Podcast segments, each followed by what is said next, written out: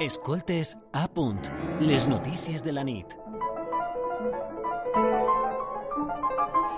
Són les 8 i 40 minuts. Recordaran que la setmana passada l'Ajuntament de València va anunciar la intenció de construir estanys davall dels ponts del Jardí del Túria per a combatre els assentaments considerats per l'equip de govern del consistori il·legals. La regidoria de policia local assegura que aquesta mesura, unida a una major presència policial, millorarà la seguretat de la zona, però des de l'oposició l'han qualificada de racista. Diuen que és un exemple d'aporofòbia. José Soler. Sí, Alba, veus expertes parlen d'arquitectura hostil, una forma de dissenyar els espais públics a través de la qual es fomenta o es desincentiva que l'usen certs col·lectius. Són models de disseny urbà que incorporen elements denominats anticonfort per a previndre que els utilitzen, per exemple, les persones sense llar. Arran d'esta polèmica ens hem preguntat de quina forma la manera que, de com dissenyem les ciutats influeix en la vida d'aquestes ciutats. Parlem amb Pucho Barrera, que és arquitecte i director del Departament de Projectes Arquitectònics de la Universitat Politècnica de València. Bona nit, Pucho. Bona nit. La primera, la primera pregunta que hem preparat és directa. Creu vostè que ara com ara les ciutats i els edificis estan dissenyats per a respondre a les necessitats de tots els col·lectius de totes les persones? Bueno, no, no están, pero sí tenemos eh, predisposición y conocimientos para poco a poco implementar medidas para que sea para todos. ¿De qué manera podrían implementarles? Mm. Eh, bueno, las, eh, hay medidas eh, para minusválidos, hay medidas para eh, personas impedidas, hay medidas para personas mayores, hay mm, eh, medidas eh, también de género, iluminando las ciudades, uh -huh. eh, los barrios, las calles, las paradas de autobús, etcétera. En fin, hay determinadas medidas que se van eh, poco a poco implementando. Es una cuestión eh, cultural que de alguna manera se va añadiendo en el diseño para que eh, el urbanismo es un urbanismo para todos, la arquitectura es una arquitectura para todos y por lo tanto necesita ir implementando ese tipo de medidas. I creu que les administracions públiques valencianes estan en aquesta línia en els últims anys? Hem avançat? Eh, estem com estàvem?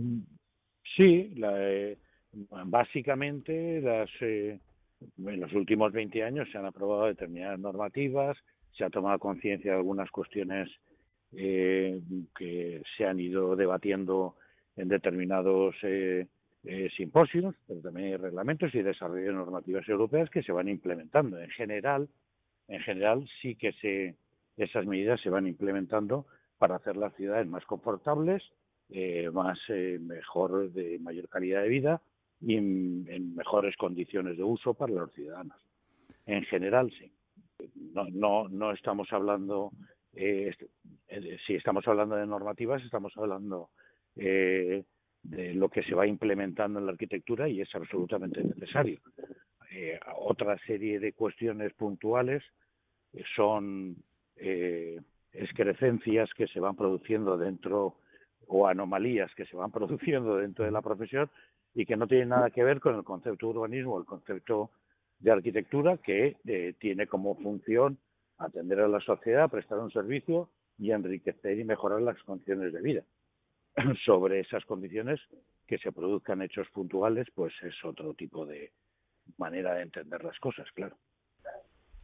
Recentment ha hagut polèmica per una mesura que s'ha anunciat a l'Ajuntament de València de eh, combatre els assentaments considerats il·legals al Jardí del Túria amb estanys. Quina opinió té vostè al respecte?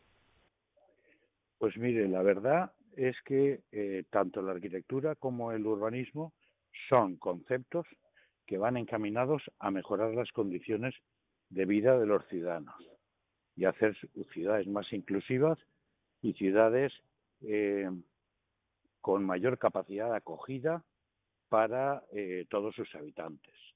Por tanto, utilizar el urbanismo y la arquitectura para implementar medidas que vayan en contra de los ciudadanos es una cuestión eh, cuanto menos paradójica, paradójica con nuestra profesión.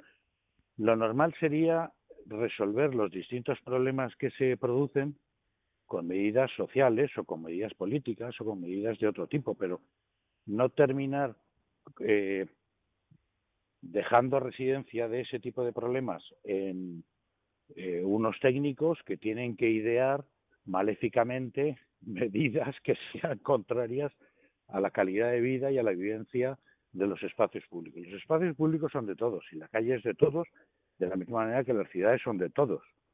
Y por lo tanto, cuando se dice todos, hay que conjugar adecuadamente esa expresión para que todos seamos capaces de convivir en el mismo espacio público.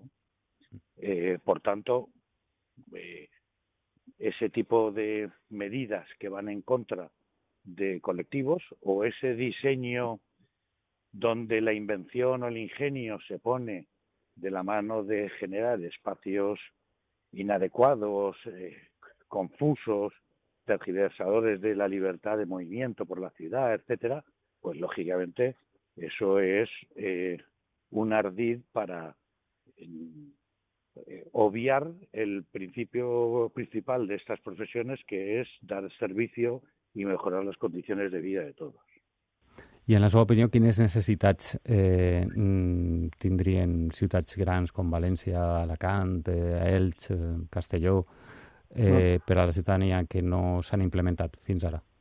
Pues eh, vamos, que estas ciudades en concreto, en las mediterráneas, eh, casi todas han incorporado eh, un recorrido en bicicleta. Las aceras son más compatibles. Los pasos de peatones se han rebajado la altura de los eh, eh, bordillos para hacer más accesible y mejor eh, eh, transitable para todo tipo de personas eh, con minusvalías o con eh, movilidad reducida. Tal, ese tipo de medidas se ha implementado, uh -huh. lo cual no significa que eso eh, esté extendido a la totalidad. Son cuestiones culturales que se han aceptado eh, pues en los últimos 20 años y las ciudades no son muy propensas a ir incorporando cuestiones de este tipo porque tienen un coste, pero poco a poco van haciéndose las ciudades cada vez eh, más eh, sociales, más eh, eh, con mayor capacidad. Uh -huh. Doncs Pucho Barrera, arquitecte i director del Departament de Projectes Arquitectònics de la Universitat Politècnica de València. Bona nit i moltes gràcies. Moltes gràcies.